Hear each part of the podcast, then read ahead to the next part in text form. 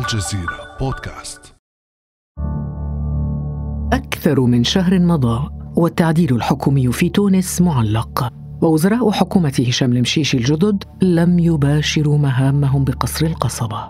فرئيس البلاد قيس سعيد رفض دعوتهم لأداء اليمين في قصر قرطاج.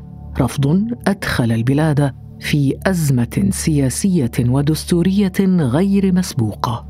ورغم الوساطات والمبادرات ظل كل طرف متمسكا بموقفه. وعاد إلى الواجهة صراع الصلاحيات القديم بين ساكن قصر قرطاج ورئيس البرلمان راشد الغنوشي الداعم لحكومة المشيشي. وزاد غياب محكمة دستورية تفصل في هذا الخلاف زاد الأزمة تعقيدا في ظل وضع اقتصادي مختنق وواقع اجتماعي محتقن. فإلى أين تتجه الأزمة السياسية في تونس؟ وأي مستقبل للعلاقة بين مؤسسات الدولة؟ وهل تنتقل الأزمة إلى الشارع؟ بعد أمس من الجزيرة بودكاست أنا خديجة بن جنه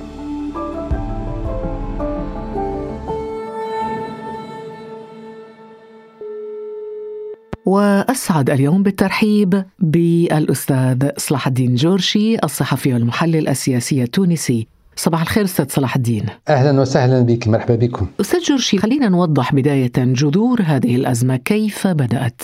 يمكن القول بأن الأزمة بدأت بعد انتخاب رئيس الجمهورية قيس سعيد وذلك بفترة وجيزة. وبعد ذلك حاول أن يفرض نفسه تدريجيا إلى أن توفرت له فرصة ذهبية عندما انتقلت إليه صلاحية تعيين رئيس حكومة آه، جديد بعد أن فشل مرشح حركة النهضة في الحصول على الأغلبية البرلمانية. عندها اختار قيس سعيد الفخفاخ لكي يكون رئيسا للحكومة وبالتالي أصبح قيس سعيد المشرف المباشر والفعلي على الحكومة وعلى العمل الحكومي. لكن عندما وجهت إلى الفخفاخ شبهة تضارب المصالح وأصبح مهددا بالسقوط برلمانيا سارع رئيس الجمهورية بدفع الفخفاخ نحو الاستقالة حتى تبقى المبادرة مبادرة تعيين رئيس حكومة جديد بيد رئيس الجمهورية.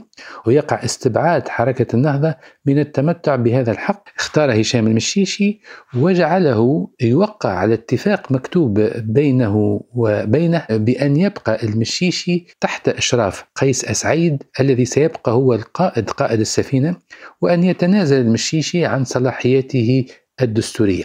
لكن حصلت خلافات في الأثناء بين القصر وبين آه، آه، القصبة حيث مقر الحكومة وانتهى هذا التجاذب الخطير إلى عودة الفصل بين رئاسة الحكومة ورئاسة الجمهورية وبالتالي استعاد المشيشي موقعه كرئيس للحكومة كامل الصلاحيات التي منحها له الدستور. وبدأت تتراكم المشاكل بين آه، الطرفين إذ لم يكتفي المشيشي بذلك وإنما أقدم على خطوة أخرى أزعجت رئيس الجمهورية بشكل كبير عندما قبل ببناء تحالف مع خصوم الرئيس وهي أحزاب النهضة وقلب تونس وائتلاف الكرامة وهي الأحزاب التي شكلت الحزام البرلماني والوسادة السياسية للحكومة الجديدة. هذا الائتلاف صوت للحكومة ثم عاد مرة أخرى لكي يصوت للتعديل الوزاري. هذا التعديل الذي اعترض عليه رئيس الجمهورية من زاويتين. الزاوية الدستورية حيث اعتبر جزء منه غير دستوري وكذلك توجيه اتهام بعض الوزراء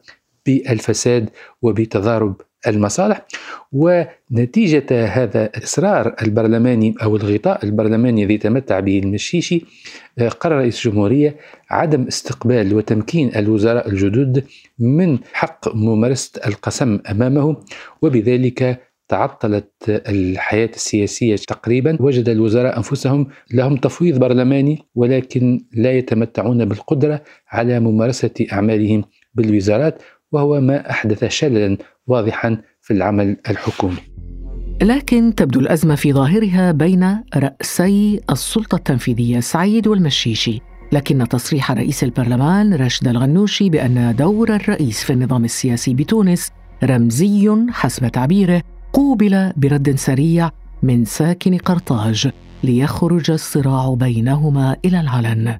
ورسي الرئاسة رئاسة الدولة ليس شاغرا.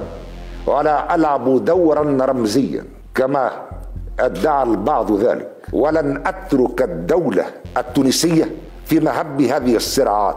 وليتحمل كل واحد منا مسؤوليته كاملة. إذا أستاذ جورشي برأيك من يتحمل مسؤولية استمرار هذه الأزمة؟ شوف يعني سؤالكم مهم جدا لفهم الأزمة التونسية أو الحالة التونسية. جوهر الصراع هو يتجاوز قصة المشيشي وحكومته. جوهر الصراع يدور حول طبيعة النظام السياسي. فالرئيس قيس سعيد يعني مختلف تماما مع الأغلبية الساحقة للطبقة السياسية في تونس حول النظام السياسي. هو قبل أن ينخرط في الانتخابات وبالتالي قبل بأن يكون جزء من المنظومة السياسية والنظام السياسي القائم لكنه صرح منذ حملته الانتخابية بأنه غير قابل بهذا النظام السياسي. سعيد يؤمن اولا بنظام رئاسي ورئاسي قوي يتمتع فيه رئيس الجمهورية بصلاحيات واسعة جدا.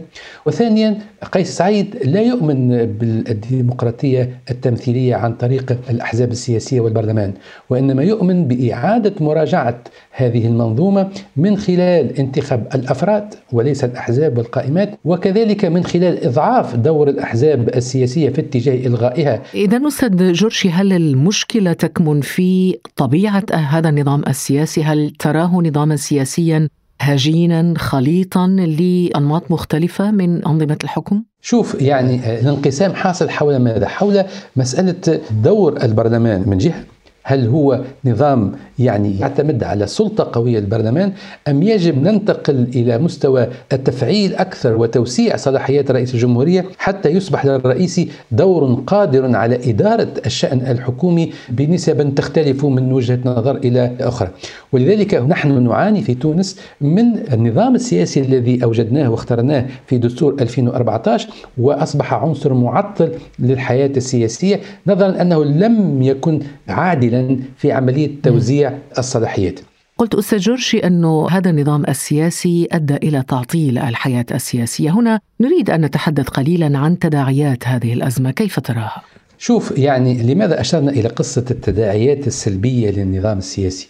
لأنه هناك خلاف عميق بين من جهة رئيس الجمهورية الذي له تصور آخر للنظام السياسي وما بين حركة النهضة كلاعب رئيسي في الساحة التونسية لأن حركة النهضة هي التي دافعت عن فكرة النظام البرلماني وهي الآن غير مستعدة لكي تتنازل عن هذا النظام الذي أعطاها فرصة لكي تتحكم بشكل واسع في الحياة السياسية اليومية. وبالتالي هذا الصراع بين رئيس الجمهورية من جهة وبين حركة النهضة بدأ يضفي على الحالة التونسية الكثير من التوتر والتوجس وهذا الاختلاف بدأ يضفي على الحياة السياسية حالة من أزمة الثقة والصراع بين الطرفي المعادلة وبدأ يعطي لفكرة شيطنة النهضة وتحويلها إلى غول ربما يهدد الحياة السياسية أعطاها نوع من البعد الشعبي هذه الفكرة والأطراف التي تدافع عنها وكذلك جعل حركة النهضة في حالة دفاع مستمرة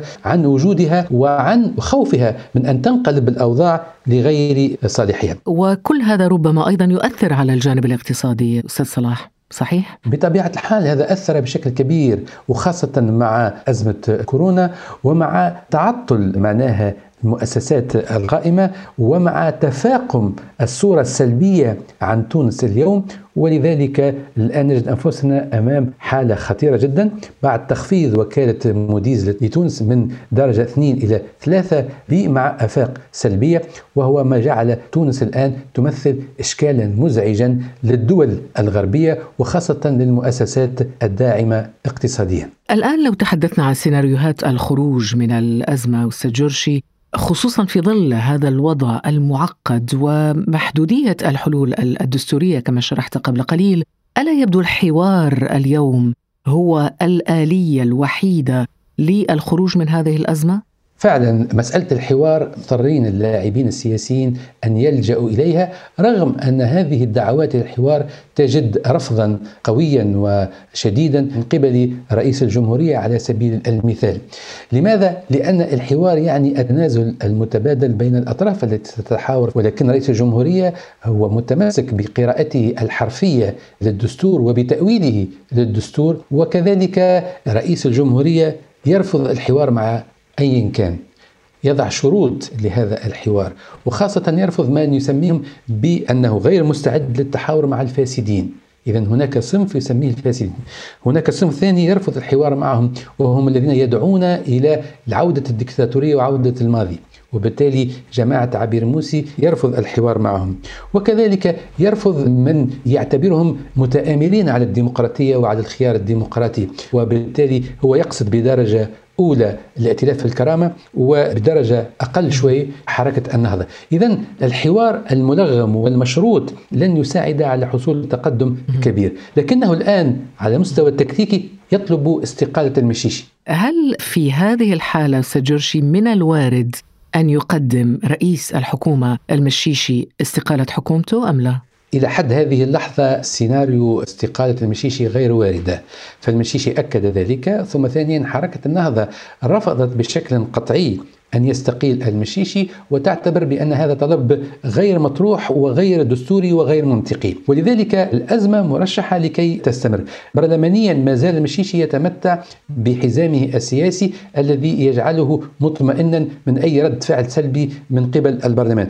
الحزام السياسي الملتف حول رئيس الحكومة ما زال متماسكا إلى هذه اللحظة. نعم. ورئيس الجمهورية لا يستطيع أن يفرض إرادته وأن يقوم بتعطيل العمل الحكومي.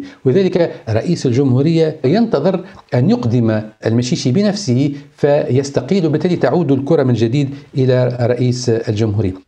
هنا إذا توقفنا عند رئيس الجمهورية يعني لو حاولنا أن ندخل ونفكر بعقل وذهن الرئيس هل يمكن لأي شخص أو مراقب أن يتنبأ بما يمكن أن يفعله رئيس الدولة قيس سعيد؟ رئيس الدولة ربما الشيء الوحيد الذي يعتمد عليه هو الوقت هو عامل الزمن يجعل الوضع يتعفن تدريجيا إلى أن تصاب الأحزاب المضادة له والمناهضة له بالخوف من إمكانية تدهور الوضع على المستوى الاقتصادي والسياسي أكثر فأكثر عندها ربما تقبل بأن تتنازل حسب الشروط التي وضعها رئيس الجمهورية أي الاستقالة الكاملة والحكومة. لكن أنا في رأيي سيجد في المقابل إرادة وتصلب من قبل حركة النهضة وحلفاء الحكومة لأنهم أيضا لا يريدون أن ينتصر رئيس الجمهورية في هذه المعركة. لأنه لو انتصر بالنسبة إليهم سيصبح الرئيس مطلق القوة ومطلق الإرادة. وبالتالي سينقلب بالنظام السياسي من نظام شبه برلماني إلى نظام رئاسوي. رئاسوي بمعنى أن رئيس الجمهورية هو الذي يحدد كل شيء يشترط كل شيء وأي شيء ما يعجبوش هو سيعترض عليه. نعم. طيب واضح أن الأزمة معقدة أستاذ جورشي. لو لخصنا آليات الخروج من هذه الأزمة السياسية أو الخيارات الممكنة الآن ما هي هذه الخيارات؟ شوف الخيار الرئيسي الآن في تونس هو أولا أن يتحرك العقلاء الحكماء في تونس. أن يلعبوا دور ضاغط أن يحاولوا أن يقفوا في الوسط من أجل إقناع الأطراف. وإن كان هؤلاء العقلاء يعانون من عملية تهميش كاملة ولا يستمع إليهم ولا يدعون في أي استشارة هامة على المستوى الوطني. الأمر الثاني هو لا مفر من الذهاب إلى الحوار. وبالتالي المشكلة هو أن المجتمع المدني من خلال اتحاد الشغل والآن عدد من المنظمات المساندة له ممكن أن يعيدوا الاعتبار لآلية الحوار الوطني الذي نجح في فترة سابقة وأنقذ تونس من السقوط في حرب أهلية. إذا دور المجتمع المدني يمكن أن يكون مهما.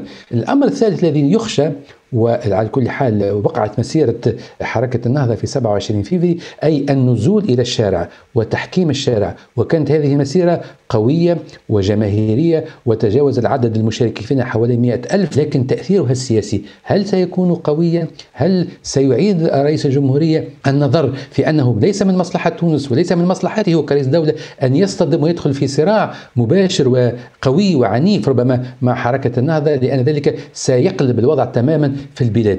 إذا الخوف هو أن تصبح قضية الاستناد إلى الشارع عنصر أساسي في اللعبة السياسية. نتمنى أن تسيطر الحكمة نتمنى أن تعود فكرة التعايش والعلاقة الائتلافية التي يجب أن تقوم بين الأطراف السياسية الكبرى من أجل حماية الاستقرار من أجل عدم التورط في نقض المسار الانتقالي الديمقراطي الذي مشت فيه تونس الآن عشر سنوات وخاصة أن يتوجه الجميع نحو الاقتصاد ومراجعة الاقتصاد وتلبية حاجيات المواطنين لأن ذلك هو مربط الفرس. إذا فشلت تونس في تحقيق الحد الأدنى من النهوض الاقتصادي فإن بقية التجربة ستصبح مهددة وستجد نفسها تونس تتحول إلى دولة فاشلة لا قدر الله. لا قدر الله طبعا. لكن الكرة الآن في ملعب من سيصلح؟ شوف يجب أن نقول بأن الكرة في ملعب الجميع ولكن لو حددنا الترتيب والأولويات أنا في اعتقادي هي في ملعب رئيس الجمهورية اللي هو مطالب دستوريا ورمزيا بأن يكون رئيسا للجميع بأن يكون عنصر تجميع للقوى الفاعلة مهما كانت تناقضاته فيما بينها وأن لا ينحاز في هذا الصراع السياسي ويصبح جزء من المشكلة بعدما كان مطلوبا منه أن يكون عنصر فوق المشكلة عامل كما قلنا للتوحيد وللدفع. لكن بطبيعة الحال لكي يقوم رئيس الجمهورية بهذا لابد أن تتنازل الأطراف الأخرى لابد أن تدرك بأن هناك رئيس ولو ناقص الصلاحيات لكنه يبقى رئيس ورمز لتونس وأنه بدون هذه التنازلات وإعادة التعامل بشكل جدي مع رئيس الجمهورية فإن ذلك سيؤدي إلى معركة السم ويصبح هناك مش فقط حوار وإنما صراع السم في تونس. الأستاذ صلاح الدين جورشي الكاتب والصحفي التونسي شكرا جزيلا لك. العفو شكرا لكم أنتم بارك الله فيكم. كان هذا بعد أمس.